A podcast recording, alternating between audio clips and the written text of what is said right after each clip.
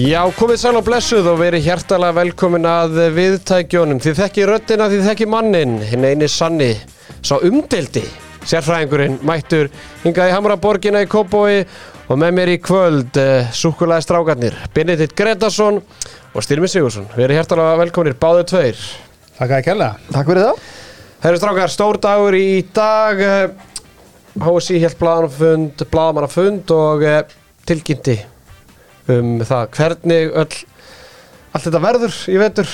Bytni á sjóar Símans okkar menn á sjóar Símans ætla að vera með eitt leik í umferð bæðið kalla og kvennamegin og, og ég veit ekki hvað og hvað allir leiki síndir í sjóar Símans appinu. Frítt fyrstu tvo mánuðina og síðan 1290 krónur. Í lok þáttarins verður Róbert Geir Gíslason frangatastjóri HSI í viðtali við viðsjárfræðingin þar sem við förum yfir þetta allt saman ferlið, hvernig þetta hefur gengið við hverju fólk maður búast og þar eftir gödunum en með okkur að sjálfsögðu, Dominos og Coca-Cola. Dominos og Coca-Cola á 15. kvöld ef þú ætlar ekki á leikina í fyrstu umfyrinni þá verður þú heima fyrir framann skjáin horfur á, sjóa Símans með Dominos og Coca-Cola þér við hönd. Bílameðstöðin, Krókálsi 7, Tætti Ponsa, hann er ekki ennþá farin að íhuga þess að skipta á bíl en það veitir ekki af. Það verður fróðalt að sjá hvað verðan fær á ádíðin sem aður. Hvað er þetta, 2012-13? Ég held að þetta ekki, nei, hann er eldri það. Hann er eldri? Já. Hann er eftirsóttur ádíðinars Ponsunar, ekki spurning. Ponsan vart við látin en fengum góða mann með hann, eh, hans stað í Benna Gretars, Benny Greið Benny Greið Herri Strákar, við ætlum að hitu fyrir deildina og við ætlum bara að byrja á liðinu sem virtust vera óstöðandi á síðustu leiktíð en síðan varð hrun. Valur. Valsarar mæta til leiks með nýjan þjálfara. Óskar Björni Óskarsson fráfærandi aðstofþjálfara liðsins hefur tekið við liðinu og það var orðið töluvert af breytingum í valsliðinu Ég ætla ekki að tellja þetta allt upp en uh, það eru þrý leikmenn farnir í atvinnumösku Þorgils Jónsvölu Baldursson farnir Svíþjóðar, Arnón Snær Óskarsson farnir Ræðingur Löfur og Stífan Tópar okkar nýjasti landslismæðar farnir Benfica.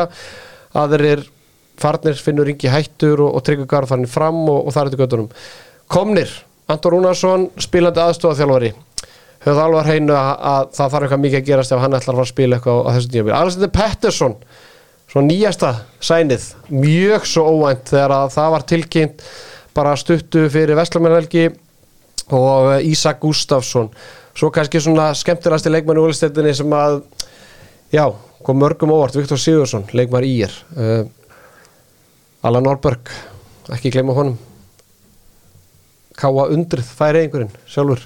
Strákar, Benni, þetta er ekki sama lið og, og Stóri Stett var að spila með í fyrra Nei, ég hættir um að þetta lið myndi ekki gera jakkoða hluti í Evrópu og, og valsliði fyrra en samt þessi leikmenn sem varst að tella um sem eru komnir, þetta er ekkit eitthvað jóa hjólinu, þetta eru fínir leikmenn og þeir eru ennþá með Benna og þeir eru ennþá með Robert Aron veit, ég veit ekki betur og Björgi er ennþá í markinu. Já, já, Magnús Óli og, og Magnús Óli, þetta er hörku lið ennþá þannig að það er svona, þetta fer svolítið stór partur að missa okkar þarna árum yfir í vörninni ég veit ekki alveg hvernig þeir er alltaf að stilla upp í mér í vörðinu þeir eru bara með svona tjörfa sem er svona kannski eiginlegu þristur en allir Alexander Pettersson og, og Alexander Örn Júliusson skiptið því ekki bara að milla sín mm. mm -hmm.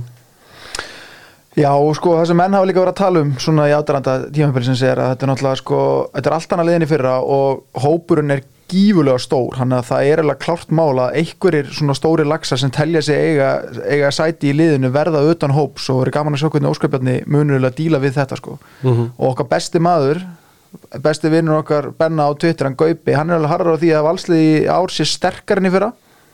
Ég veit ekki endalega hvort þessi sammólunum Það við tekið eftir einu? Gaupi, hann er ekki að Twitter lengur. Hann er, hann er búin að týna passvörður sínu Já, er eitthvað, hann hefur lagt skona hillina þar Þannig að hann er að vinna í þessu sérfæðingun er að hjálpa Gaupa að koma sér aftur á, á hérna, exit? Já, á exit. Koma sér á exit. En hérna, þannig að fyrir fólk sem hafa ágjör á Gaupanum, hann er ennþá á lífi og, og hver veit nefn að hann verði bara á sjóharpi landsmanna þegar að ólistildin hefst en, en því miður þá hefur hann ekki verið virkur á, á X-inu eða Twitter. Ég ætla, ekki, ég ætla alltaf að vera að tala um þetta Twitter sko. Já, en hérna með valsmennina aðeins aftur sko, veist, ég er aðeins búin að vera að hlera og maður heyri nú ímest þetta á hárkvæslustofunni sko orðið á göttunni segir sko að Viktor Sigursson sé búin að vera gífulega öflugur og bara með svona einhvern veginn svona bara betri mönnum að það sem hafa verið svo undirbúin sem hefur komið virkilega óvart hjá hérna, mönnum nýra á hlýðarenda en valsmenn þeir verða senir í gang. Þú veist, liðið er ekki klárt. Ale Alexander Pettersson er nýkomin Magnús Óli og Róbert er held ég ekki byrjar að æfa valla Já, þeir byrjar að æfa. Aron Dagur hefur glímaði meðsli uh, hérna, Ísak Gustafsson er búin að glímaði meðsli Bergur Eli er búin að glímaði meðsli Tjörfi er búin að vera að glímaði meðsli þannig að þú veist, maður veit ekki hvort að þetta sé eitthvað svo ángar af síðasta tímabili öll þessi meðsli en það er rétt hjá, hjá Styrmi, góð heimavinna hjá honum að valsarði verða lengi í gang og hérna og það sem ég hræðist einhvern veginn er bara þú veist síðasta tímabil, endin og síðasta tímabil var náttúrulega fyrir neðan allar hellur. Og, og hvernig það verður fyrir Óskabjarni Bjarni að gýra leikmennum þetta er ekki, þetta er margi hverjir leikmenn sem er komni vel yfir 30, eða kringum 30 aldurinn og búin að afreka það að vinna 7-8 titla í röð ég er svona hrættur um það að ef þetta þróast þannig að segjum bara FH eða afturlík verði bara frábær. En valsarni verði bara hann í kringum 4-5 eitthvað svona lengi vel. Bara hvort að leikmenn hafi trú á því að þeir geti snúið þessu við og einhvern veginn hver verður löngurinn skilum hjá leikmennin sem voru að vinna 7-8 titla í röð einhvern veginn að rembast í gegnum þetta? Já, það er alveg góða punktur. En það er auðvitað bara stærsta verkefni fyrir Óskarbjarn að ná að gela saman þess að auðvitað Viktor hefur ekki upplegað þetta Ísak hefur ekki upplegað þetta þeir ættu að koma með smá hungurinn í hópin og ég minna að þú ert með fagmenn eins og Bjögga og Robba og allir þessar gæja sem kunna vinna og vita hvað þarf að gera til að vinna þá held ég að það hafa ekkert sérstakar áhyggjur af því að þeir uh, einhvern veginn, uh, ég veit ekki, missi móðin þó að þetta fari hægt á stað maður veit sko. bara ekki hvort að Róbert sé þú veist, ígildi eins leik, leikmanns eða Magnús Óli. Þetta er það svona leikmann sem er alltaf meittir þannig að það getur líka farið svolítið erfitt fyrir Viktor Sigursson að koma ég meina þetta er bara, allt, þetta er bara nýtt umhverfi. Ég meina hann hefur, ég held að hann hefur bara sagt það sjálfu við vinn og ættingi að þú veist, þetta er bara hann hefur aldrei værið á svona góðum æfingum eða skilum þetta er bara, er bara upplifin fyrir hann og, og hvernig hann á einhvern veginn að stýra þessu einhvern veginn og, og þetta með hjálp benna en, en síðan eiga Maggi og, Robbi að stíga inn í stóruleikjunum, þú veist, þetta getur verið svolítið haldum með sleftum með dæmi. Uh, Stemmi, fyrstu þrýr leikirnir hjá Völsörun, það er Víkingur heima FH heima, Selfoss úti. Já, þetta eru tveir sigrar. Það er eiginlega bara pínu fúlt svona, svo við tökum umræðan áfram með að við fáum FO val í annar umferð. Þú veist, FO er bara langt á undan valsurum í hverjar eru í síni þróum með liðið og ég hugsa þetta verður bara fyrir auðveldi leiku fyrir FO-hinga í annar umferð. Mhm. þannig að, þú veist, eins og ég sé ég sé valsarana kannski svona eins og við sáum hvað, fyrir þreim, fjórum árum síðan þú veist, þetta verða allt öðru í sinni fyrra en kannski verður þetta allt í lagi og þeir verða bara þú veist, fara rólega á staðinni tímanbilið og topp á réttum tíma eins og við sé eiginlega verða að gera síðustu ár og þeirra valsararnir unnu fyrir hvað mm Benni, þú færi það verkefni að svara fyrir Ponsuna, leikmaður sem verður að gera betur enn í fyrra Það er góð spurning. Leikmann sem verður að geta gera betur enn í fyrra. Ég get aðstofað þig ef þú vilt. Ég, ég skal líka hjálpa þér. Uh, ég myndi að Aron Dagur Pálsson væri anskoti líklegur þarna. Það var auðvitað svona tölur væntingar að fá hann sko. Þannig að þetta var með ágættis prófíl og hafði litið vel út á hann og fór í atvinnumennskuna. En hann var bara kall greið hann var í yngun takti bara nánast allt tímabilið í fyrra og það er já, það er mitt sjátt. Og, og einhvern veginn réð illa við hraðan sem Valur var að spila í fyrra og gaman að sjá hvort að Valsar ætla að halda áfram að kera þessari hugmyndafræði snorra eða hvort að Óskar Bjarni muni aðeins taka kannski skref tilbaka og aðeins hæja á tempónu mm Já, líklega gerir hann það á einhverju leiti sko og Aron Dagur er alveg leikmaður sem að getur stíð upp í sér deild. Við séð það áður og hann hefur all tækin og tólinn til þess en hann verður þetta bara hreinsaðast til í hausnum og, og, og, og gerir sér í gang. Leikmaður sem verður að eiga gott tíabil í lið vals, styrmir það eru svo mörg að taka sko en bara til þess að nefna eitthvað þú veist, bara Björgum Pótt Gustafsson í markinu skilur, þú veist, hann mun bera uppi hittan og þungan að þessu mun spila röglega 98% af mínútunum eða ekki meira, þannig að ég myndi segja að hann verði að eiga gott tímabil. Leikmaður sem verður að fylgjast með í liði vals Viktor Sigursson, leikmaður í er var frábæri í liði Íringa í fyrra er núna komin í tölver starra lið og það verður fróhald að fylgjast með honum þar. Strákar, förum út á Nes Gróttan, eh, Tix.is er að sjálfsögðu með okkur og eh, Benni, ég trú ekki að þú sett á leiðin á verbúðaballið næstu helgi.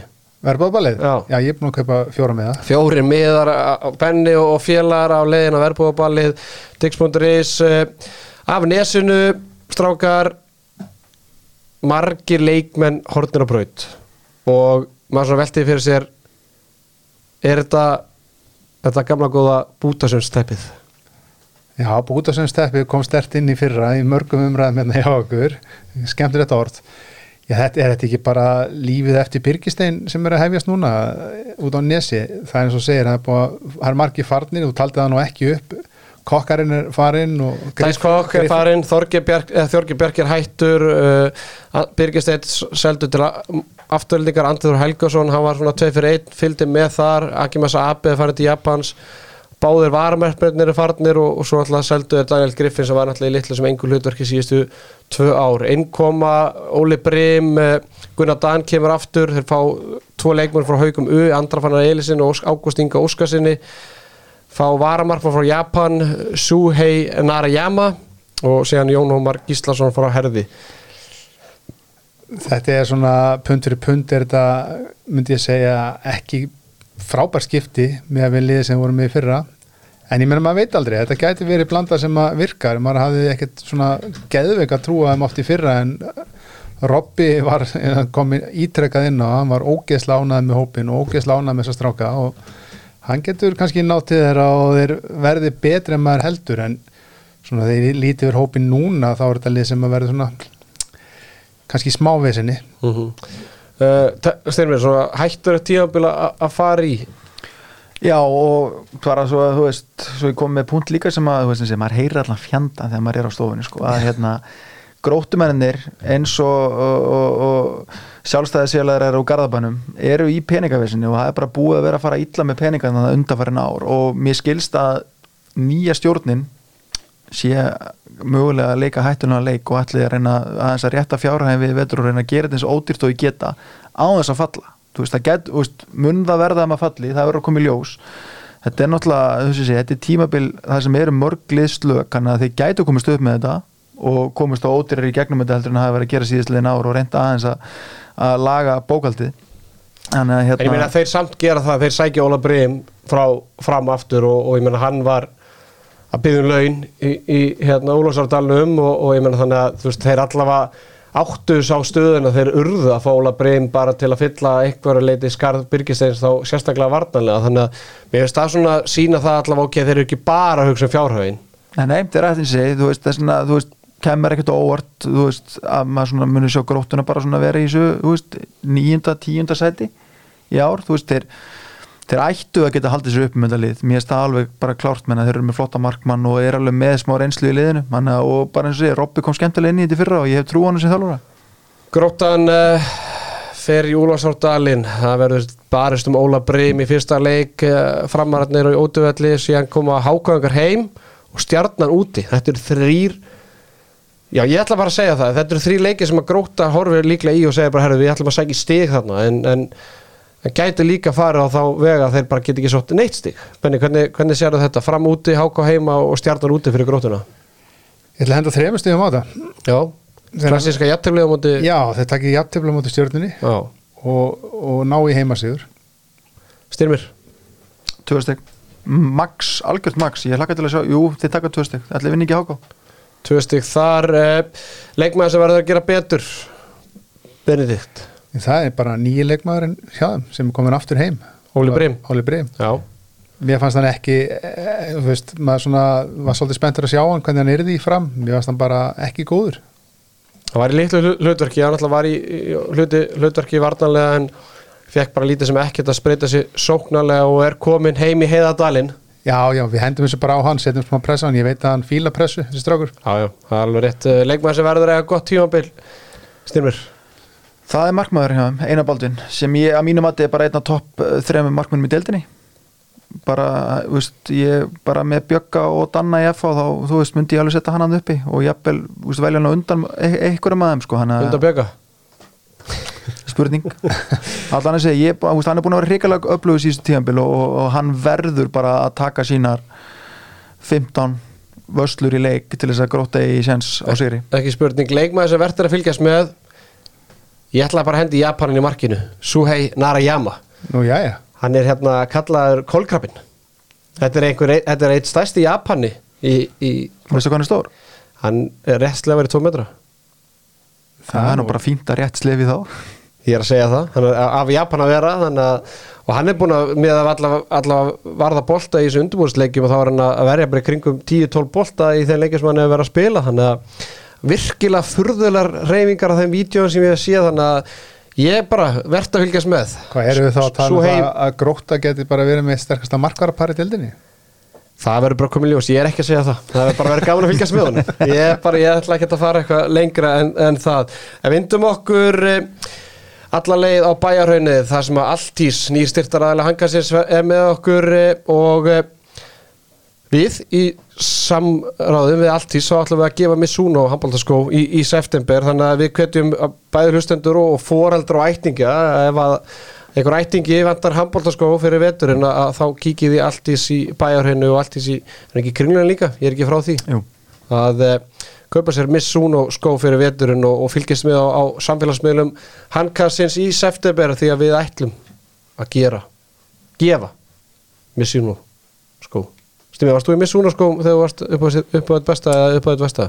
Nei, ég gerist aldrei svo frægur en ég hef búin að heyra hrikalega gott og vel tala um þessu skó sérstaklega þeir, eru- þeir eru sterkir í blakinu líka að, Það eru risar þar sko. já, þetta eru, þetta eru, e, e, veist, þetta eru flotti skór og bara gaman að sjá svona handbóltaskó flórun að vera aðeins að stekka þegar ég var í gamla dag var þetta bara Puma Adidas og Nike þannig að það er gaman að fá Mitsuno inn í þetta Já, bara fyrir hlustendur sem að halda mikið upp á sérfræðingin þá get ég sagt ykkur það að sérfræðingun endaði sinn glesta handbólta fyrir Lý Missuno Það það tengdist samt ekki í endalökunum. Nei, nei, það var, var fótboltaskoti sem tengdu, tengdust því. En uh, það voru svo bláir og grænar og gulir, það voru mjög litríkir. Herðu, við ætlum að uh, fara í Kópavógin og uh, fjallum nýlega Háká. Uh, Ég heyrði í Danieli Berg Greta sinni formanni Háká fyrir þáttin og, og heyrum hvað hann hafa að segja Já, Daniel Berg Gretarsson, eh, formar Hagnaðisteldar Háka, hann er á, línunni. Eh, Danni, við töluðum um það í síðasta þætti og, og veltum við fyrir okkur hvort að það væri vettangu fyrir tólega deild í Ólistil Karla þar sem að eh, nýlegarnir virðast vera ár eftir ár bara komandi upp með bara, ef, ef við bara tölum hrein íslensku, hangandi hendi, bara ekki tilbúinu að auka auka budgetið og, og styrkja lið almennlega. Hvernig svona, hvernig fer þetta í þín eyru? Uh, ég er svo sem skil alveg, þú veist, það svona point skilur mig að, að nýlega sé koma upp með hangandi hendi en, en hérna, en ef ég á að fara út í það skilur mig, þá er það bara, við svona erum ákveðin tímbúntum, nei tímamótum og við erum bara búin að hugsa þetta þannig að við erum með hóp núna af stráku sem er kannski svona kjarnin í liðin er 96 til 8 og, og við erum svona, já, teljum þetta kannski vera mómenti fyrir þá að halda sér uppi. En ef ekki, þá, þá þurfum við kannski að fara að endur sko stöðun eftir tímbilið en, en, en, hérna en það er tólega deild og það er auðvitað að halda sér uppi heldur en í áttalega deild. Og við reyndum alveg að styrkja liðið. Við tölum alveg við náunga sem svona myndu teljast kanonur í íslenskum handbólta en, en þegar þú ert nýlið þá er óbúslega erfitt að styrkja sig. Það er, veist, menn taka er ekkit alvarlega, þú veist, ekki fyrir kannski einhver einnar spýtur og agnið.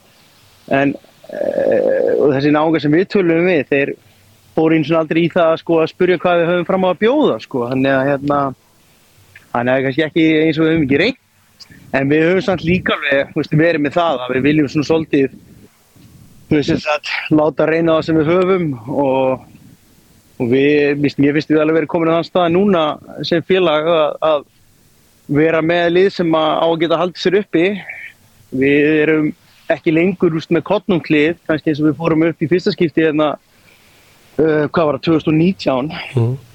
að þá, og, sagt, og síðan þegar að, veist, þetta er náttúrulega annað skipt sem að Basti verður og Guffi verða með liðið í efstu deild og við vissum að það er opaslega erfitt síðast uh, núna vorum við að vonast til þess að vera með saman kjarn og þá kannski pluss einhverja styrkingar ekki ekki eftir.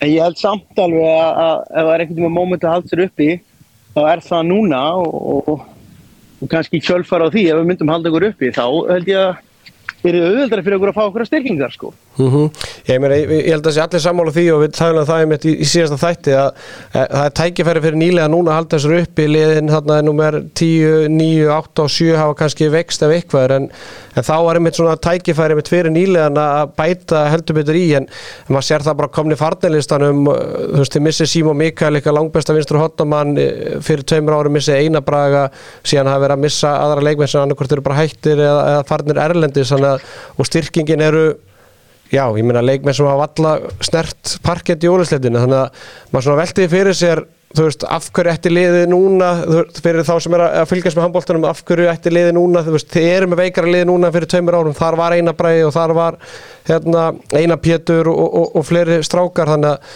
maður svona veltiði fyrir sér þú veist, strákar sem eru 24 ára verða 26, 7, 8 ára núna, þú veist, þeir verða ekkert eitthvað endilega betri tveim árum setna Ég, yeah, sko ég skal gefa mitt teika á þetta sko. það er að til að byrja með þá uh, er þetta náttúrulega ekki einhver ofumanna deilt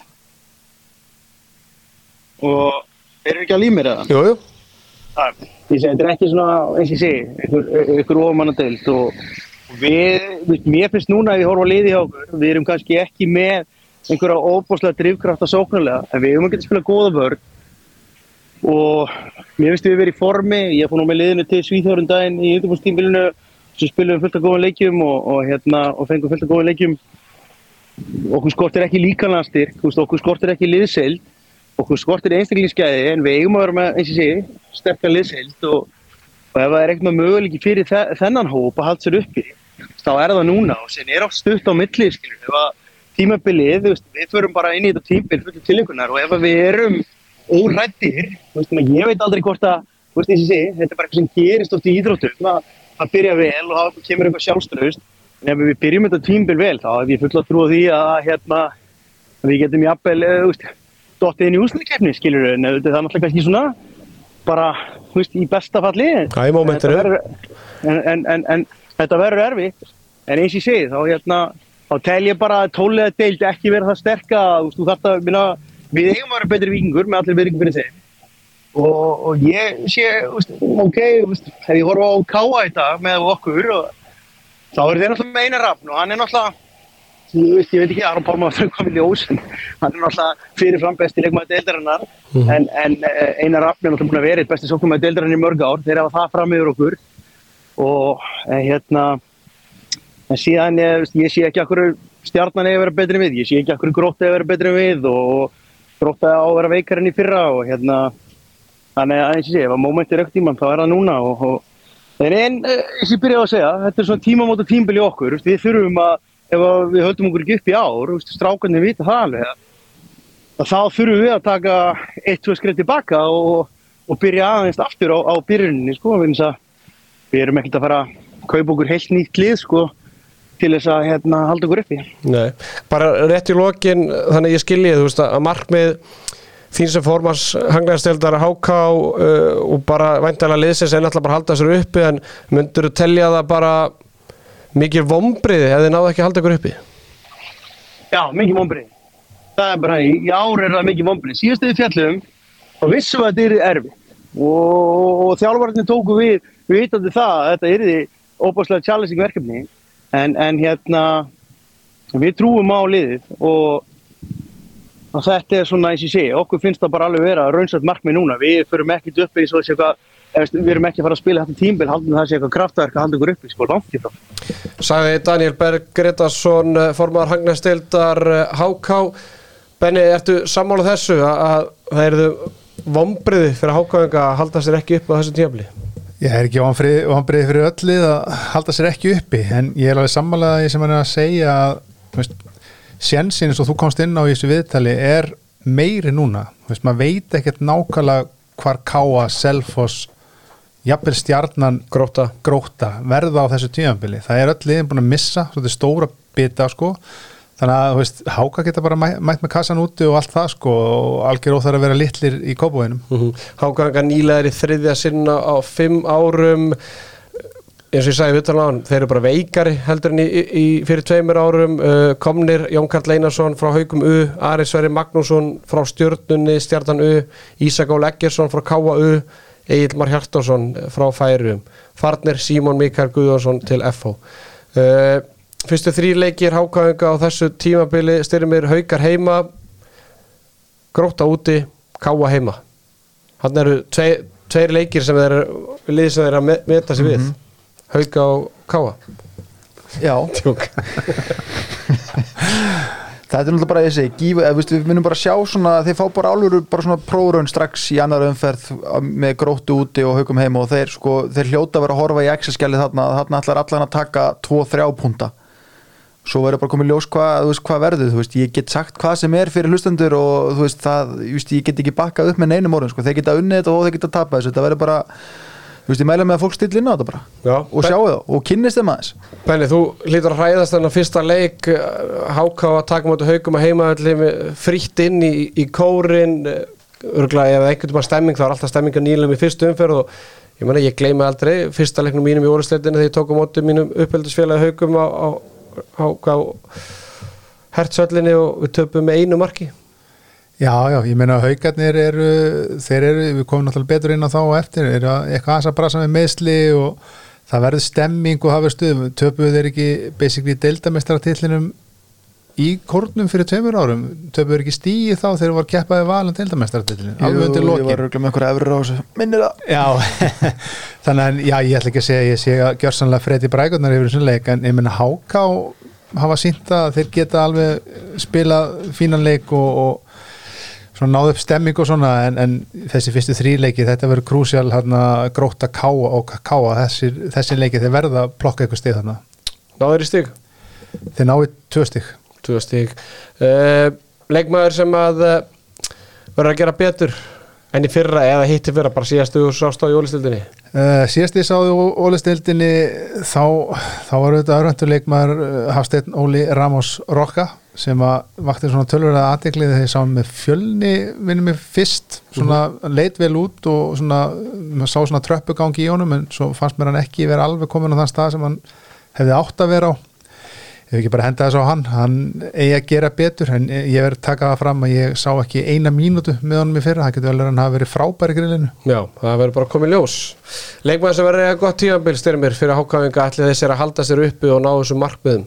Ég veð bara að halda áfram með trendi sem er búin að vera hérna hjá mér í kvöld. Það er markmaður Sigurjón Guðmundsson Sonur legendsins Guðmar Hafkjells markmanns Þú ert bara að þylja upp alla markmiðinu til Já, ég og býði bara við um þrjúlið eftir. Jesus. Nei, hérna, eins og segi, bara svo ég vitnaði síðan Danna menna, þú veist, það hann telur að þeir geti spilað góða vörn og það var góð maður sem sagði mig einu svona, handbólti var einfa, einfaldur leikur þetta var vörn, markast og hraðaplöp og ef við náum góðri vörn og markvæslu þá getur Háká bara öruglega strýtt þessum liðum í kringu sig, sko. Já, ég minna að maður ekki gleyma því að meina, hann heldur því fram að liða sér sterkar núna og þeir, strýttu mörgum liðum fyrir tveimur ára síðan en Algjörlega. einhvern veginn með að við orð basta í viðtölum á þeim tíma þá einhvern veginn held maður að þeir væri að gefa sér 1-2 ár og svo væri þetta árið þar sem ætla að virkilega styrkja sig. Sækja ykkur 2-3 leikmenn.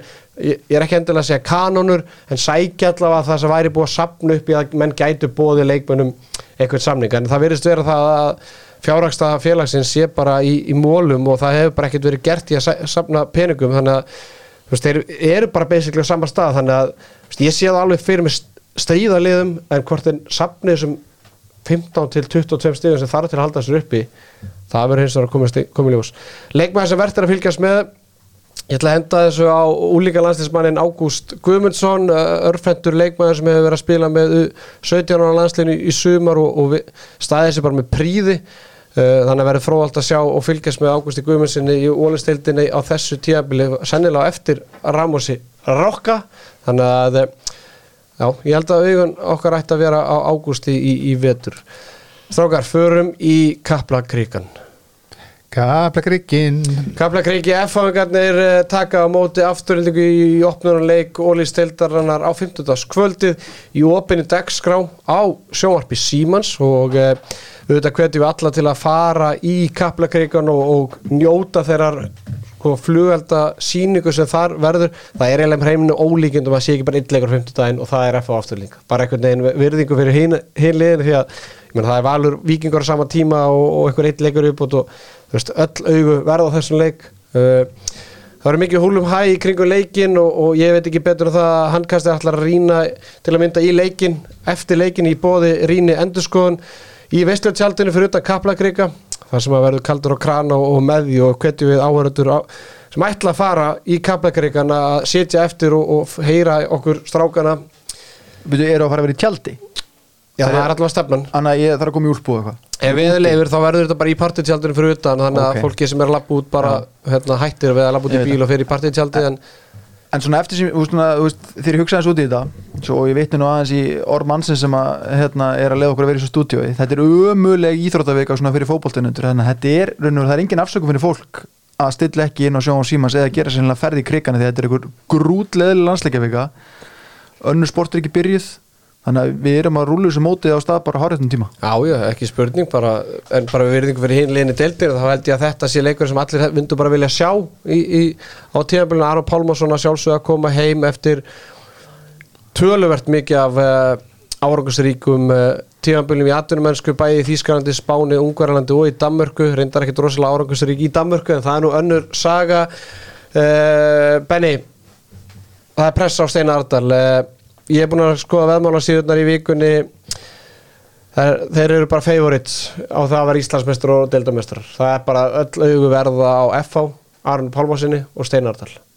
Já, ég, veð- sko, ég vil sjaldan detti það að tala um einhver stórsli sem menn verið ekki meistarar en það má næstum því setja það á þetta F-fólið því að þú veist, ef Aron verður heill og, og í stuði þá er þetta bara eiginlega ójæmt sko, nánast sko.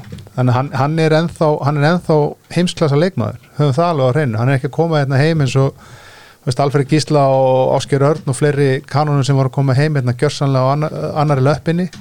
Aron Pálmarsson er bara frábærum aldri eða ennþá myndi ég að segja þegar hann er heill í heimsklassa og fyrir var liðið frábært þannig að ég, ég held að spá, þessi spátamar er bara fullan rétt á sér og ég veit ekki hvort það sé pressa endilega á steina eða, eða hvort það sé bara á leikmennina sjálfa.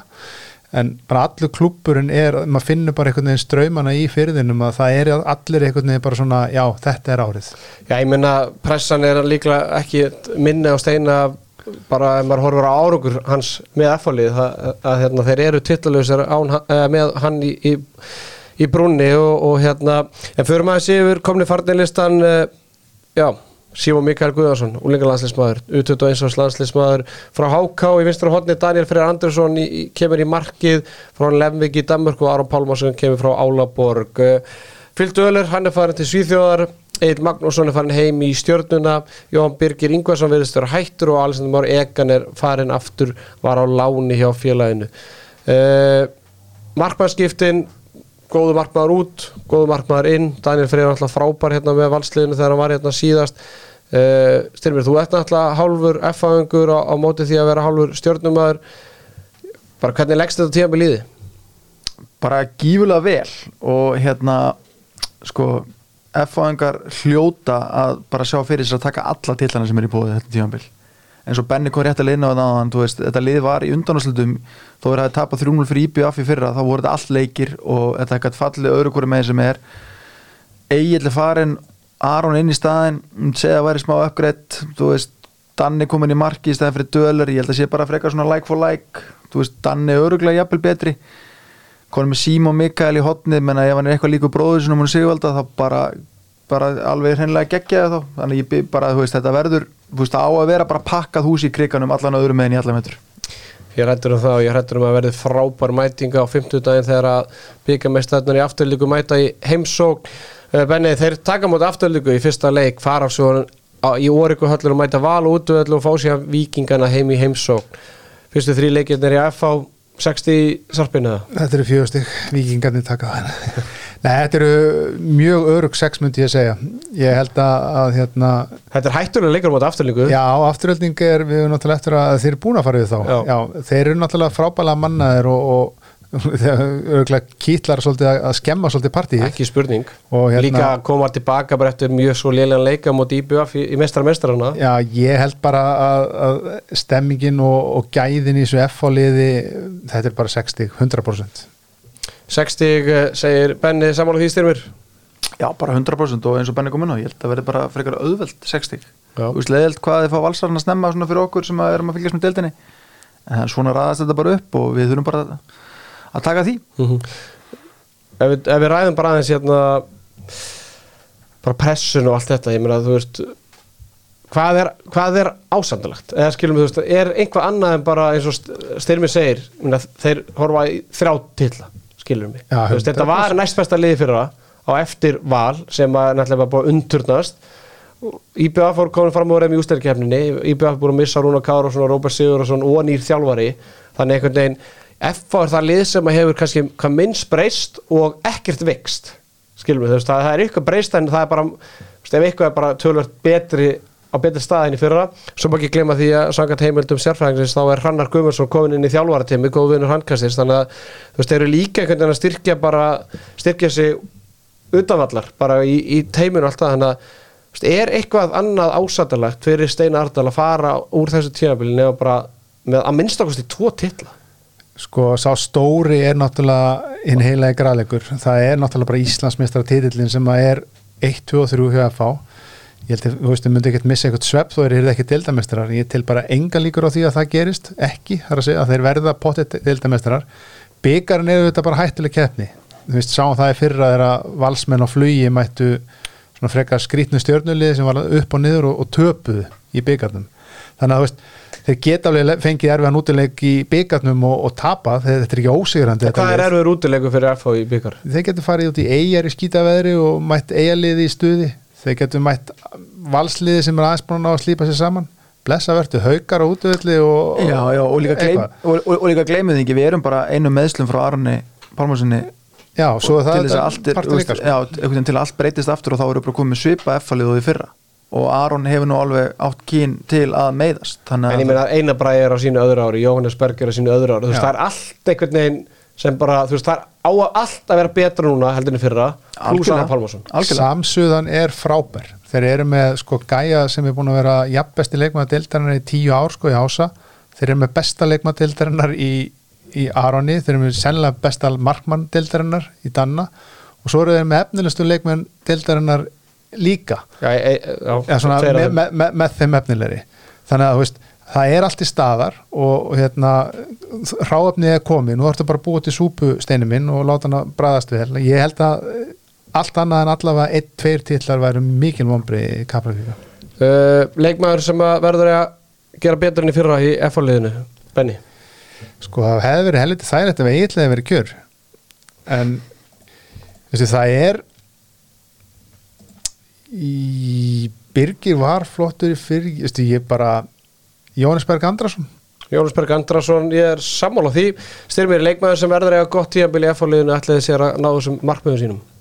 Sko þið eiginlega stálu mínu manni þegar ég emitt sé fyrir mér að Jóhannes Berg Andrason muni eiga frábært tímanbíl þannig að ég ætla bara að fá að, úst, að halda hans nafn á loftið þarna því að ég held að hann eittir að vera sko, hann áttur að njóta svo góðsaði að hafa Aron hann á hínum vangnum eða við hliðina á þessari miðunni að ég hugsa nei eftir að vera stórkoslur í ár Leikmaður sem verður að fylgjast með í liðið FH ég ætla að vera að fyndur að vera Aron Pálmarsson en, en Símon Mikael Guðjónsson. Ég ætla að gefa honum shoutout. Uh, spilaði ekkert með hákáliðin í hitti fyrra þegar háká voru uppi, var að glímaði meðsli var síðan bara í grillin í fyrra þannig að þetta er svona leikmaður sem er að fara að stíga sem fyrstu skref, almjölu skref í ólisteildinu og ég mælu með að fólk eru þeir líki bræðnir því að sko bróður hans er einn uppáðsleikmaður minn bara síðustu ár Já, nei, þeir náttúrulega, hann er réttundur já en að, Nei, nei, þeir eru ekki með, hann er ekki engin svivaldi, sko nei.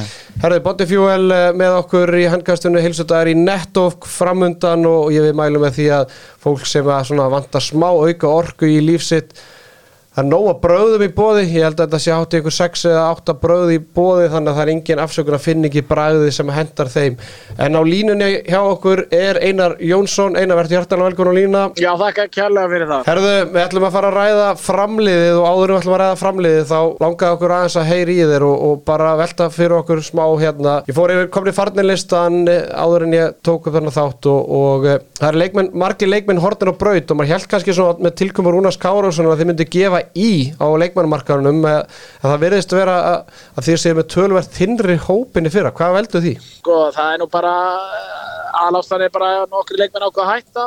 Uh, svo voru aðri leikmenn sem ákvað að róa hennu mið, fór hennu líf.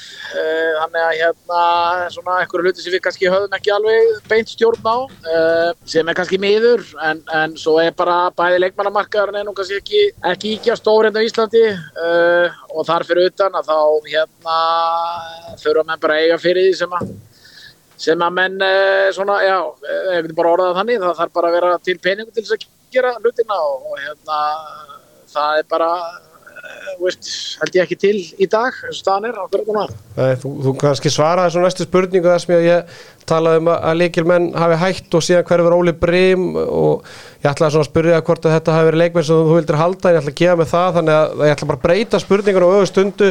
Er þetta vombriði, skilur mig? Þú- bara eftir að hafa fengið Rúna Kárásson einhvern veginn að staðan sé ekki betri eða að leikmennhópurinn sé ekki hvað starri eða, eða hvernig maður orða þetta Já, já, sko, eh, alltaf svona fyrir kannski að segja, við, sko, við, eh, hvað var að breytina, þá stöndum við miklu betur sóknarlega heldur enn í fyrra, alveg klálega, ég held að það sjá það nú svona flestir, sko. Uh, ég hefði, ég menna að það er mikill minnst fyrir Óla Brím alveg klálega, hann, hann hérna nýttist okkur eh, sérstaklega varnarlega mjög vel í vettur, nei síðasta vettur og, og að mínum að þið var hann orðin bara einn, einn alveg upplöðasti varnarmæði deildina, þannig að hérna það er mikill minnst fyrir honum, uh, við erum finnri varnarlega því miður og við þurfum bara að leysa það með einhverjum hætti og höfum verið að vinna í því. En, en, já, já, ég veist ég, auðvitað hefði ég, að sjálfsög hefði ég vilja hafa eitt til tvo leikmenn í viðbót sérstaklega til að styrkja varnarleikin en, en, en hérna, þú veist það, þetta er bara staðan og við hérna, þú veist, við bara hugsaum með lausnum og reynum að vinna, vinna út úr þeirri stöðu sem við erum í, það er bara svo leins Mhm. Við tölum Einar Inga Hrapsson í síðasta þætti hann viðkendi að Gunni Magg væri á að ringja hann stöðu til þú er að ringja eitthvað í Stefán Darra og breka að reyna að fá þá til að hætta við að hætta eða er þetta bara Nei, nei, það hefur nú ekki, ekki alveg gert. Ég, sem, þú veist, Stefán Darri er, er hérna, er náttúrulega bara mikill framari og, og hérna, þetta, svona, allir ég ætla ekki að útiloka það að ég hef ekki rætt að við hann, þannig að ég nú ekki að hérna, leggja honum einhver orðið mun, sko, uh, uh, kannski getur það gert, ég veit það ekki, en, en hérna, nei, nei, við, við höfum svona verið einbeitt okkur fyrst og fremst að okkar að þeim hóp sem við erum með veist, við, svo verður bara svona að sjá hvernig málið þróast, auðvitað kannski ég var ekkert að deyja úr stressi yfir þessu uh, fyrir en að svona maður kannski mark og meðist hjá okkur og, og hérna og þá svona verðum við ennþá þinnri sem að þú veist, já, já, svona maður, en að við geta mælið við þessu, ég, hérna við, við leysum þetta, saman hvernig við gerum þetta. Þetta er bara, þetta er bara eitthvað sem við þurfum að leysa og munum gera það. Bara í, í lokin hvar metur er liðið svona rétt fyrir mót og, og hver eru markmið liðsins? Þeir náttúrulega voru á blúsandi siglingu á síðasta tíðanbili og ég meina náðu heipa allar rétt í, í úsleitakeppninu og allt það.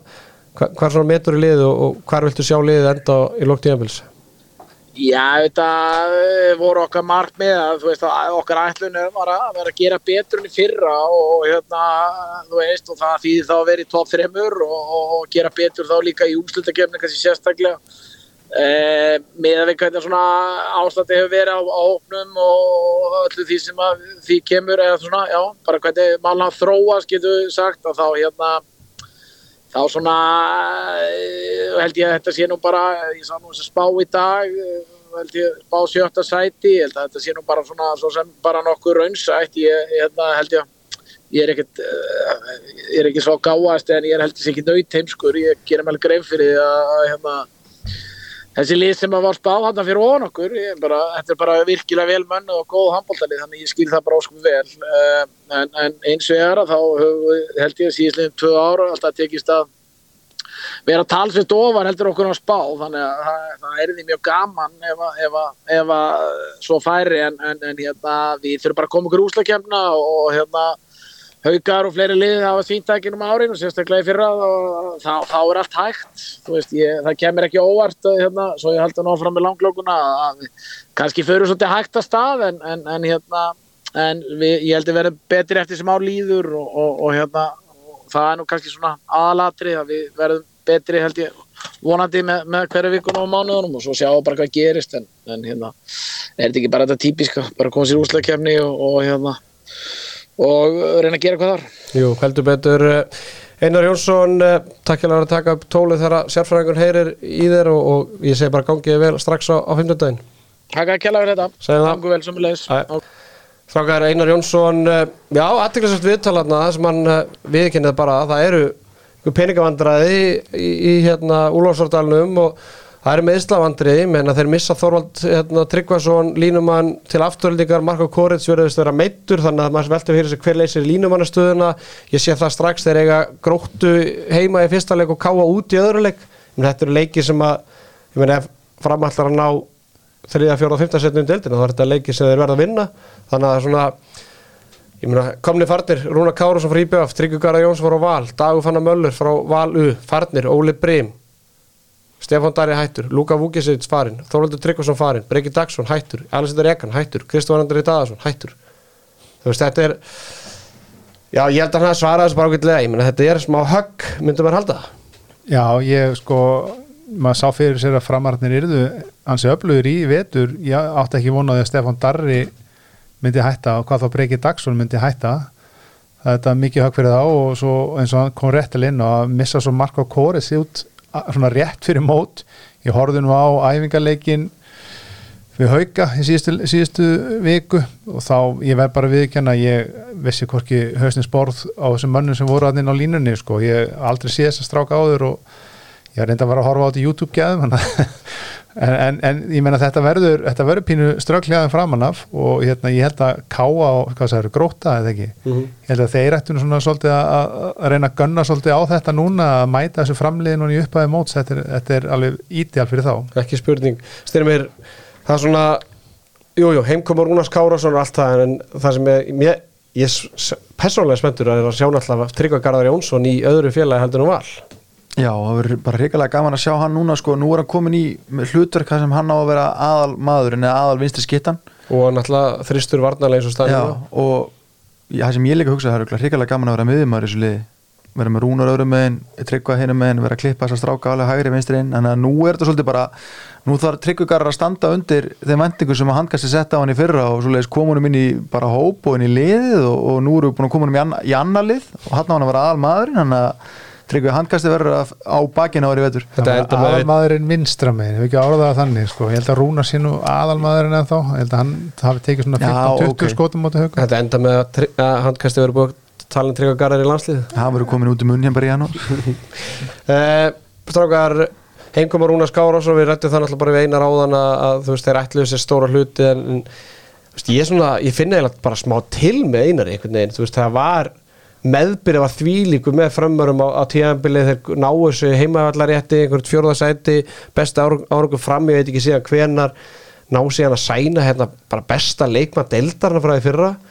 Og svo er einhvern veginn lítur þetta þetta er svona, já, ég veit ekki hvernig ég get líst þessu, þetta er ekki alveg jafn sexy og, og menn byggast við semdugum fyrir mót. Nei, það er nákvæmlega eins og orðað er að sko, þeir voru á svo góðum stað þegar að Rúna Kárásson, það tilkynnt að Rúna Kárásson væri að koma til þeirra, þá hugsaði maður ok, nú er næsta skref. Já, maður sá þá sko steinleikja fyrir haugunum í höllinni og svona vantaði eitthvað svona smá kjöt og vantaði smá breytt og svo aðna kemur næsta skref og svo bara er að skrefa aftur á bak og allir einar sé ekki búin að missa núna úr, úr mistaraflokkum Karla og Kvenna, búin að missa einhverja 15 leikmenn samtals eða eitthvað. Þannig að það er margir að yfirgefa Einar Jónsson þessa dagana. Mm uh, fórum við yfir fyrstu leikina gróta heima, ká og úti, afturleika heima styrmir, hvað er þetta mörg, mörg stígu þarna? Og við erum alltaf með meira, meira upplýsingar en áður þannig að menn geta svona líka sett það inn í mengið. Ég sé samt fjögur stegana Já, já, það verður Ég hef bara það miklu að trúa að þú veist, Rúnar getur dreigð þetta lið áfram eitt sinsliðs ef, ef, ef þess þarf.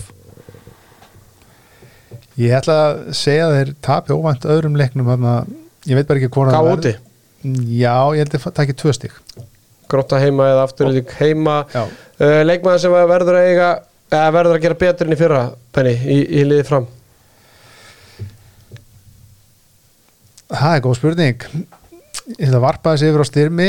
Ég, Hugsaðu hvað ég er búin að vera að velja svolítið mikið.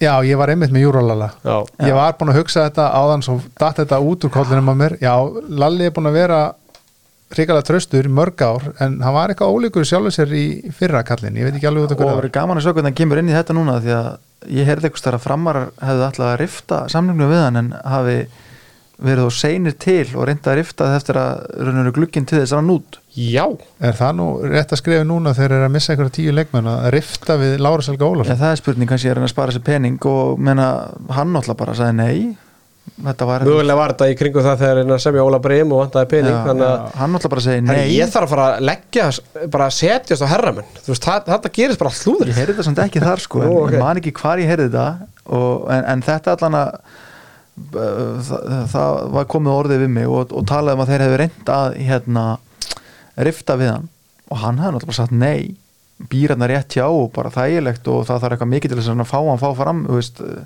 ég skil vel að menn hann ekki að vera að ferðast langt eða verður á fínum díl þannig að það verður gaman að sjá hvað þetta er alltaf að nota hann eitthvað Leikmann sem verður eitthvað gott tíðanbíl, styrmir? Ég ætla að henda því á, nenni ekki að taka eitthvað Rúna Kári, ég ætla að henda því að bara tryggja garðar.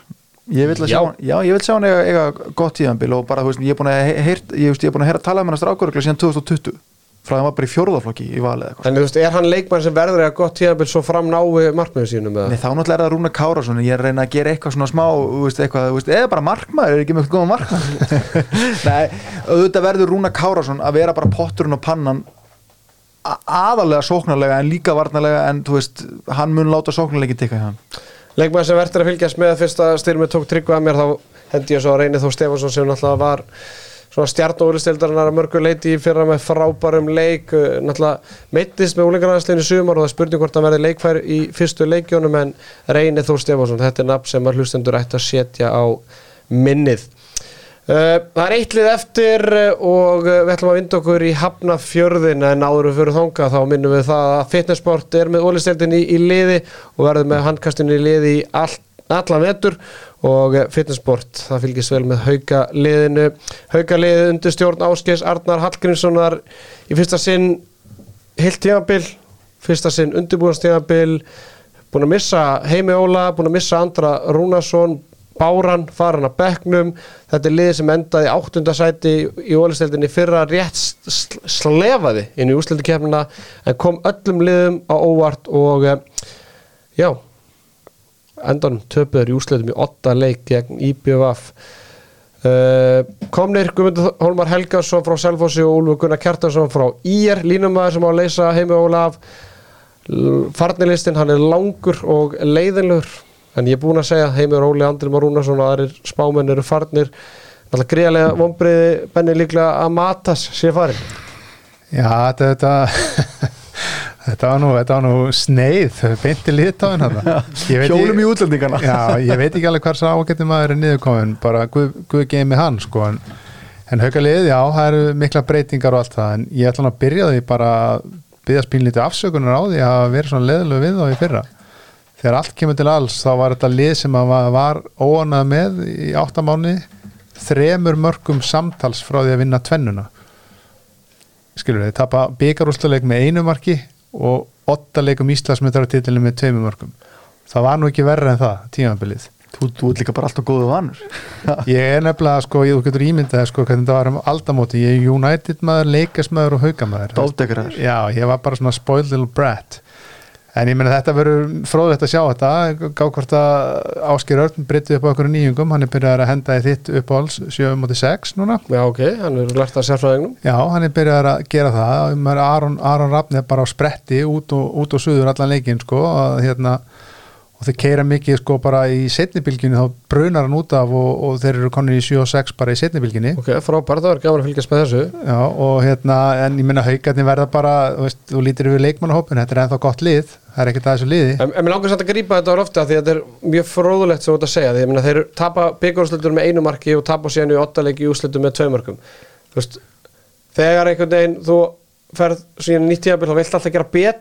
Já, já, Serðu haugalegin að gera ná að stíga þetta skref að annarkvort að klára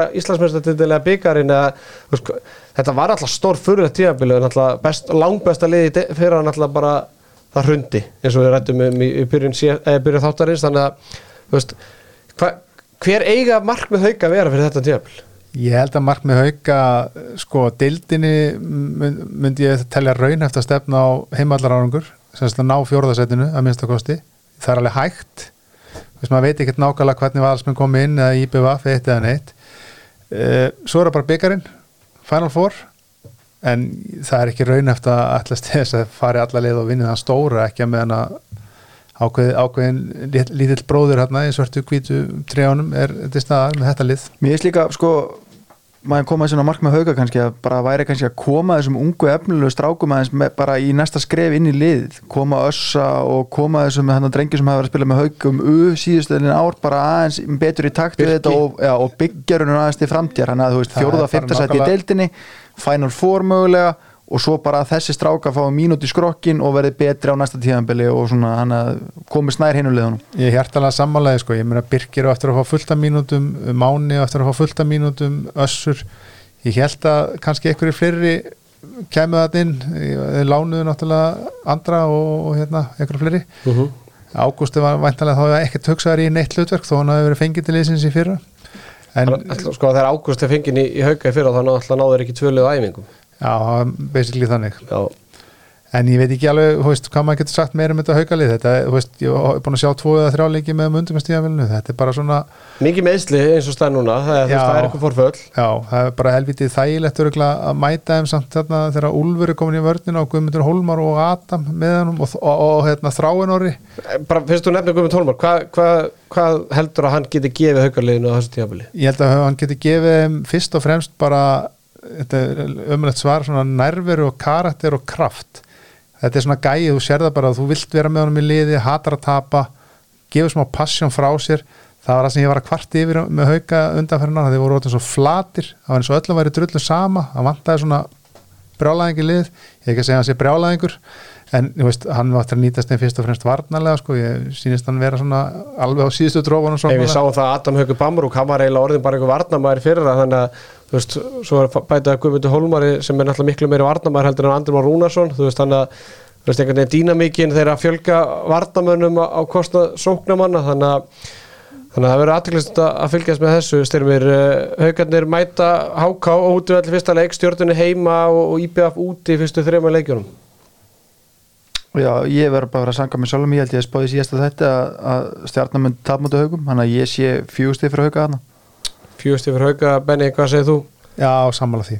Þannig að séu stjarnar samt alltaf reynst Mhm. haugum erfið sko, þannig að ég ætla samt að gunna á fjör stygg Ég ætla að vona bara engin hlustandi sé að fara að taka þetta saman síðan eftir Nei, fyrstu nei, umræðu. það er, það er bannað. Það er bannað, það er engin hugsun á baku þetta. Við erum einungis bara að veit ykkur upplýsingar um næstu leiki og svona og aðeins að koma ykkur í, í svona tæri við deildina. Mm Mhm. Leikmaður sem verður að gera betur enn í fyrra, Benny Sko, það er kannski ósakvæmt að setja þetta á hann en ég ætla að segja Guðmundur Bræði Ástóðsson af því að það er svo mikið þarna maður sér það svona í glimpsis það er svona glittir í hvað hann getur verið frábær. En maður tóða svona aðeinslega að sjá eftir því sem að hérna, leikirni stækkuðu og venjuðu var stærra og pressan var meini hvernig Andri Rúnar stækkaði. Hann stækkaði, kassinu honum stækkaði og stækkaði með hverju raun að maður Guðmundur kónaði svolítið niður þannig að hann verður einhvern veginn að að læra það að hann, nú þarf hann að stíga ennþá meir upp. Hann þarf að vera sóknum með nummer 1, 2 og 3 hjá þeim í vetur í raun og veru. Já, ég veit ekki nákvæmlega hvar mörkin er að koma á öðru en línuspili og hotnarspili þannig að Guðmundur Bræði, þú getur betur og ég veit að hann á eftir að gera betur. Við veitum hann að hlusta. Uh, Styrmir leikmaður sem verður eiga gott tíðanbill Nennið að heyri þetta. Þetta fara, Nei, fara í sko, markmannin Nei, sko, ég var með Guðmund Braga og ég var með Guðmund Holma líka á blaði. Mhm. Þú veist, Aron Rapp menna, þú veist, við sáum hvað gerist þegar hann hittir á leikin sinni fyrra mútið afturrætningu Já, það var ridiculous. Þú veist þetta er náttúrulega bara einn okkar besti markmaður. Þannig, að- en ég vil ég ætla, ég ætla að hendi svo Guma Holmar það verður mikil ábyrð á hann í vetur einhvern veginn að koma að balans á lið og eins og Benni var að tala um á hann að hérna, koma aftur bara með gleðina og smá svona blóð på tannin skilur þú veist að gera menn pínu svona graðið að vinna aftur. Það var orðið djöfulli flatt hann á svolítið síðustu þrjú fjör Já, sérstaklega þegar Steppi og Þráin voru báðir frá Já. þá var þetta bara eins og að horfa á Dominos-tilbúð sko. Það var bara flatt. Dominos tilbúðin þau bestu í bænum. Leikmaður sem verður að fylgjast með í vetur ég ætla að henda þessu á uh, Kristoffer Mána Jónasson úlingarlæsinsmann, hægur og hotnamann núna er það bara að vera 21 ás hann er orðin 21 ás, verður 22 ára þessu ári. Nú hlýtur hann að slá góðvinn minn Brynjólf Snæði aðeins úr, úr og, og þar bara að fara að spila meira var frábær e, var frábær við úlingarlæsliðinu í sumar og, og svona ég var til að, að sjá hann aðeins hérna Já, bara taka næsta skref en, en svona rétt árum við förum úr, haukarliðinu þá náttúrulega slúður að ég því á, Twitter í vikunni að Svein Andri Sveinsson hafi sérst í ásöllum að væri viðræðir í gangi. Ég fór síðan í aðeins meiri heimavinnu. Mér skilst það að hann hafi svona hafi komið frá honum sjálfum að, að fá að æfa með haugaliðinu. En Benni, myndur þú vilja sjá Svein Andra með haugaliðinu í vetur? Já og nei, svona, þetta er svona tætari sko, jújú, jú, við þurfum að styrkja hópin, við tökum alltaf vel á móti góðu fólki á ásöllum og hérna með hvernig hann leit út á, á svona á köplum síðast en hann var á landinu, já, já, endilega, kíktu á okkur, kallið minn. Já, það verður frólægt að sjá það hvort að Svein Andri Sveinsson fyrir leikmaður í er og afturöldingar sem að spila í þýsku annari búndisleikunni í fyrra endi í haugunum en hann er ennþá félagslaus. Uh, Strákar, núna ætlum við að uh, ætla ég að spila við, viðtal sem ég tók við Róbert Geir Gíslason uh, fyrir þáttinn um sjómassamningin og eftir viðtalið þá komum við inn spáum í spilin fyrir fyrstu umferðina og ræðum aðeins hvað við erum að fara út í. Róbert, það er svona hægt að segja að þetta sé kannski eitt vest gemda leindamálið síðustu dag og vikur sérstaklega handbóltafólki en, en því lóksast tilkynntu sjómasréttamálin í hátteginu í dag og tilkynntu þar að, að leikirnir í Ólistil Karla verða sindir í, í gegnum sjómar Símans uh, HSI hefur verið svolítið gaggrind undarfarið að hinn og þessum afhverju þetta búin að taka svo langa tíma getur útskipt fyrir hlustendur bara svona hvað við valdið þessum töfum á, á því að kynna fyrirkomulegið og, og skilur þú gaggrina sem hefur verið uppi? Já, vísulega. Það er rétt að þetta er kannski búin að vera svona, eh, kannski ekkert mjög djúft á þessu lindamáli með, með Sjónar Símans en það sem er kannski í svona flóknu samningum svo þessum, það er svo margir sem koma að þessu að þess að hann dróðs þetta. Ég held að allir samningsaðlar í kringum okkur núna í dag séu kringum 11 og 12 og það þurft að ná öllum við borðið og, og ná samningum alla til þess að þetta gengi upp. En mjög ánægilegt að þetta sé komið höfn og, og við kynntum í dag hvernig sjónvarsmáli verða hátt að næsta tímbilið. Mm -hmm. hver, getur þú sagt fólki bara hver er staðan á verkefni? Þið tölu um það að þið eru búin að gera mikið á stöttum tíma þið bentu á búndislíkan þýska búndislíkan er í svipu verkefni sem þið eru búin að vera að vinna í, í einhverja hátt í átta að það hefur verið kannski rúmlega mánuð. Hver er staðan á verkefni núna og hversu mikið hversu margir lausir endar eru ennþá útistandandi Þeim sem betur fyrir fer mjög fækandi. Um, ef við bara kannski ekki sumur þetta aðeins upp, þá er það rétt að við ætlum að sína núna tvo leiki viku í beinnis útsettingu í sjónvampi símas í opnum dagskrá. Gríðilega ánægilegt að vera komin í opnum dagskrá og leikinu verða 50 dögum og lögatum. Jafnframt erum við útbúið núna áskiptaplattform með símanum sem að vera tilbúið múndi lansaða morgun. Það sem að vera opið í tvo mánuði frí, það sem le allir leikir í þriðja og fjórðaflokki ásand uh, meistarflokkuna vera síndir beint á einu stað. En nú til þess að geta gert þetta allt, þá þurftum við að semja við útsettingafyrirtæki sem við sömdu við Spíkjó sem er sænst fyrirtæki, ekki útsettingafyrirtæki, myndafæli fyrirtæki, mm -hmm. sem að byggir á myndafæli sem er sett upp í öll íþróttús sem að keira á kerjugröndinni. Svo vinna er búin að vera í gangi núna í tvær vikur að, að öll húsinn og, og svo vinna með sér ekki lokið en þá heldur klárast núna í vikunni. Þá þurftum við að semja við líka framleyslaðala, við sömdu við skjáskott sem er framleyslaðali sem er sérhafið sér stafræðin tækni þeir ætla að hjálpa okkur að koma útsendingunum sem við erum með stóru útsendingun á 15 og lögatum á framfari í sjónarpi Símans. Nú, allt þarf að forrita og allt þarf að hanna á báðum endum. Við erum búin að semja við HP Rítari, tökum merki frá þeim inn í útsendingunar. Þannig að við verðum með sjálfvirt uppfæslu á, á stíðaskor og leiklöku. Beint frá HP Rítari er sem að tímavaraborðið er með það sem Rítaraskísla raun að veru okay. í, í rauntíma. Nú svo erum við að semja veðmálarétt, við erum að, að semja um umfjöllun, um ná samkominlega við árvökkur, MBL, uh, handbóls.is og, og vondi klárast allt gafin ykkur strákunar núna í, í vikun einni. Þannig að, að við erum að reyna að ná utanum þetta í heilsin að vera með síman, vera með MBL, vera með handkastið, vera með handbóls.is til að tryggja þessu umfjöllu sem við þurfum að fá um sportöðar. Mm -hmm talar um veðmálaréttindi, hvað hva fælst í því?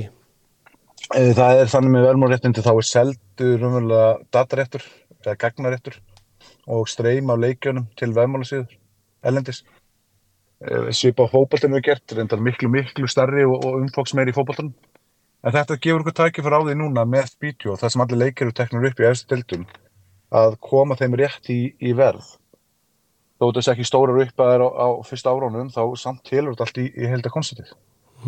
Þá kannski svona næsta spurning var svona hvað tækifæri sér HSI í þessari breytingu og, og jafnveg hvað áhættu getur einhvern veginn komið því orð veist, þetta er, þetta er klárlega einhver hérna einhver, eitthvað tækifæri þessu að fá okkur tekjur frá hérna, veðmála hérna, fyrirtækjunum en, en svona aðrar eh, önnu tækifæri og jafnvel einhver áhættur sem sér því þessu Ég sko við sjáum fyrst og fremst gríðarlega tækifæri. Þetta er náttúrulega glæni leið sem hefur ekki verið farin hérna áður á Íslandi. Það er það að sérsamband erum vel ekki að selja síningaréttin innan geðslappa heldur á síningaréttin og sem við þjónustæðalum að koma um á framfæri. Eh, Þetta gerir það verkum að áskiptatekjur og, auðvitað annað getur rennur til sambandsins slíkt en ekki til réttháðana sem kaupa réttin. Eh, Við horfum á þetta sem þryggjara verkefni og það er alveg ljóst eins og við komum inn á það verða einhverjar hraðahindranir fyrstu vikunar Eh, við höfum eftir að reyka okkur einhver veggi við erum að vinna þetta hratt en, en við höfum tröll að trúa þessu verkefni. Og eins og við myndist á áðan Þíska búndaslíkun og fleiri er að færa sig hægt róla í þessa stafrænu tækni. Og við höfum mikla trú á því að að til framtíða verði þetta niðurstaðan því að e, svo sem ekki lengdarmáli framleyslu kostnaður er það sem stendur helst fyrir vegi útsendingum í íþróttum. Og með þessari tækni erum við náttúrulega að skera hann að stóruleiti niður þó við sem að framlega einstakleiki og koma þá til móts við neytandan til að halda niður áskiptaverði og, og koma á vörðinni á framfæri.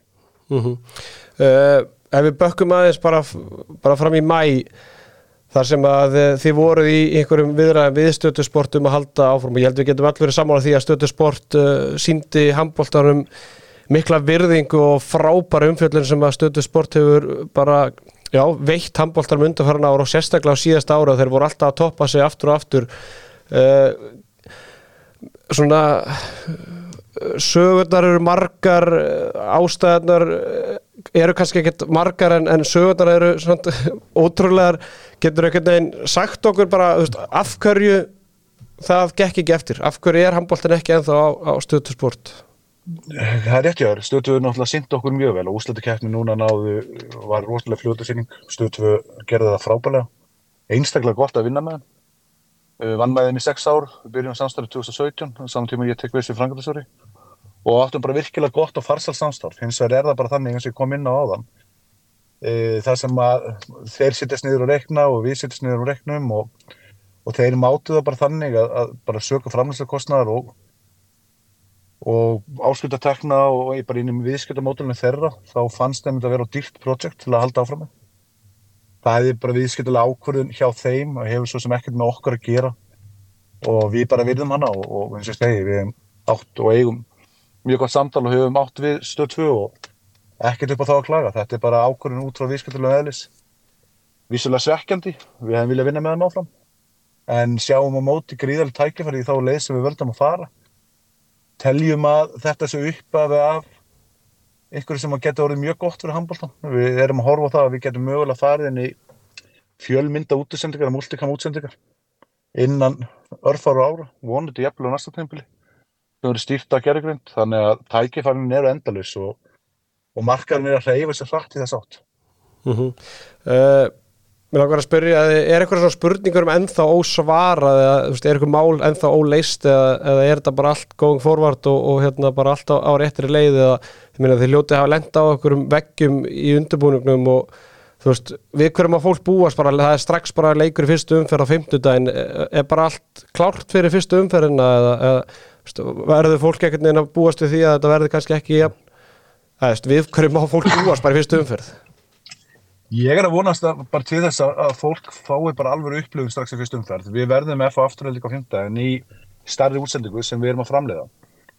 Það sem við verðum með fleiri en eina myndaðavel, við verðum með fólki setti, við verðum með tvo lýsendur og, og mögulega nött sem fólk hefur séð áður á skjánum og þarna ég á að vona því að, að upplifunin sem fólk færi verði góð.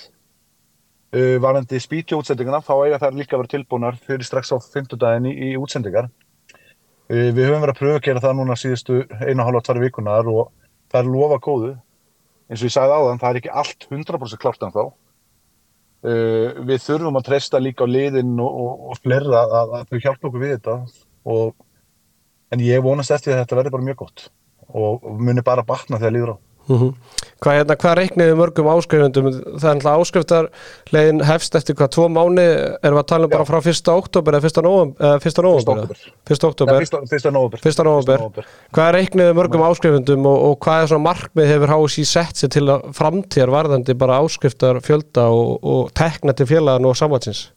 Við erum að vonast eftir því að, að handbóltarhefingi flikki sér inn á þetta. Við erum að horfa á það að með því að taka inn alla meistarlóksleiki, alla yngreflokka leiki, þriða, fjóraflokki, bæði kalla og hvenna, þá erum við að sjá það að fjöldin sem er að spila og er inn á þessum plattformi, hann er gríðalegur og það eru foreldrar og frængur og ömmur og afar og, aðri viðkendur sem vilja sjá leikina sína og, og við ætlum að gefa þetta tækifæri. Áskiptaverðinu verður, verður haldið í hóf við byrjum verðum upp á 1290 sem að telst nú ekki mikið á, á þessu markaði þannig að við erum að vonast til þess að, að við sjáum einhver þúsundur áskrifta Ok, það er, uh, vilt ekki vera nánar í það, veist, er það, er það vonast þetta 5.000 eða 10.000 eða, við rennum svolítið bara blind til sjóin uh, við erum með kannski bara ákveðna áallanir okkar með sem ætlum kannski ekkert að fara dýbri en af því að þetta hefur ekki verið gert og við vitum raunverulega ekki hvar, hver áskriftarfjöldin hefur verið á bakvið handbóltan áður, er svolítið erfitt að koma eitthvað konkrétt tölu en við höfum trú á, á handbólta fjölskyldunni og við höfum trú á því að ytkendur, foreldrar, ömmur, leikmenn vilja sjá handbóltan og fylgjast með honum. Og með því að gera útsendinguna eins góðar við getum þá höfum við trú á því að, að fólk kaupi sér á þennan vettung. uh uh, bara rétt í lokin er eitthvað svona möguleiki á að þetta fyrirkomulega reynist fjárhástlegu baggi fyrir HSI, þú veist, hver, hver er startkostnaðurinn og, og hvernig svona er það að, að, já, hvernig er það borgeta svona fyrstu mánuðina meðan að það kannski ekki koma að tekjur inn?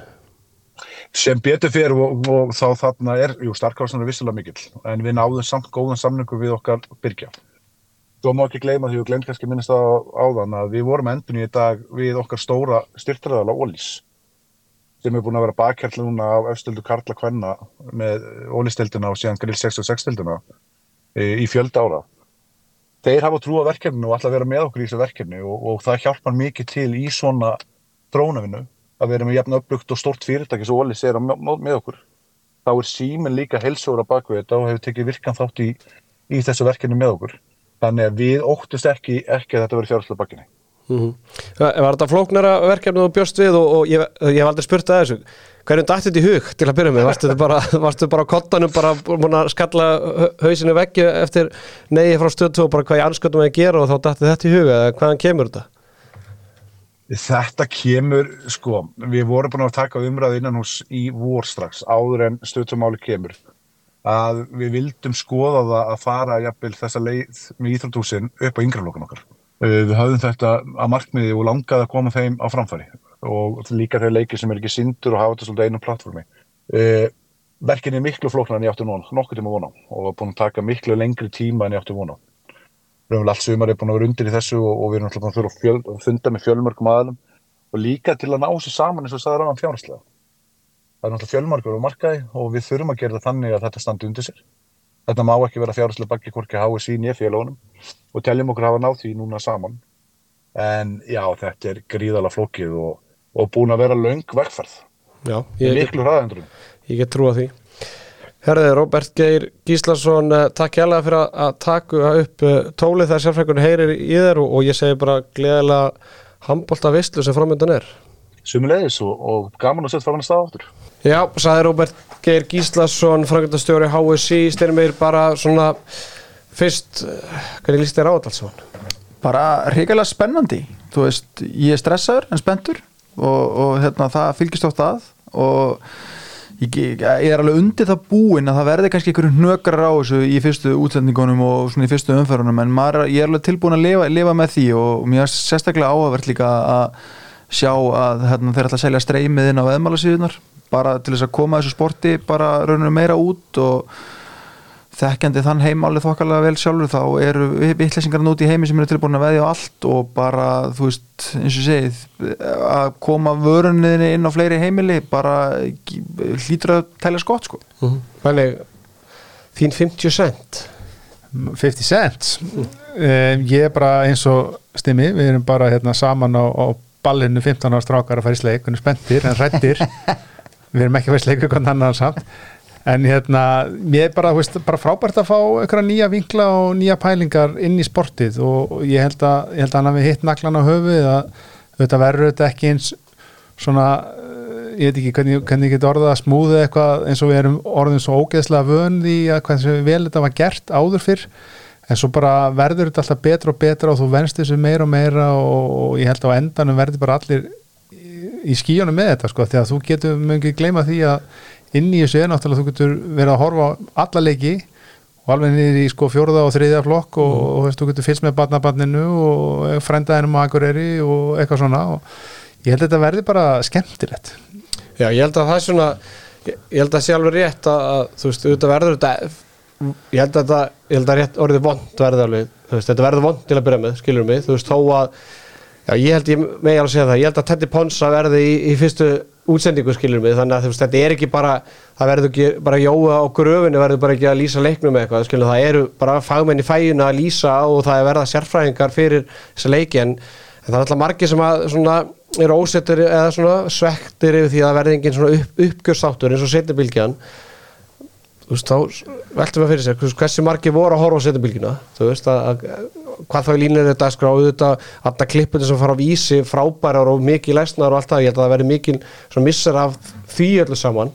En einhvern veginn svona bara, þú veist, þessi leikur sem verður í beinni stóri leikur í hverju umferð veist, hann verður faglega unnin skilur mig, þú veist, og hvað þá með tíman það, það verður bara, það verður alltaf betur og betur um allir leiki síndir, ég meina þú veist að margir verið að svekja sig við því að, að stöðtusport hafi ekki verið að sína alla leiki skilur mig og af hverju þessi leikur ekki síndur en þessi síndur og, og þannig að núna hún getur nálgast alla leikina.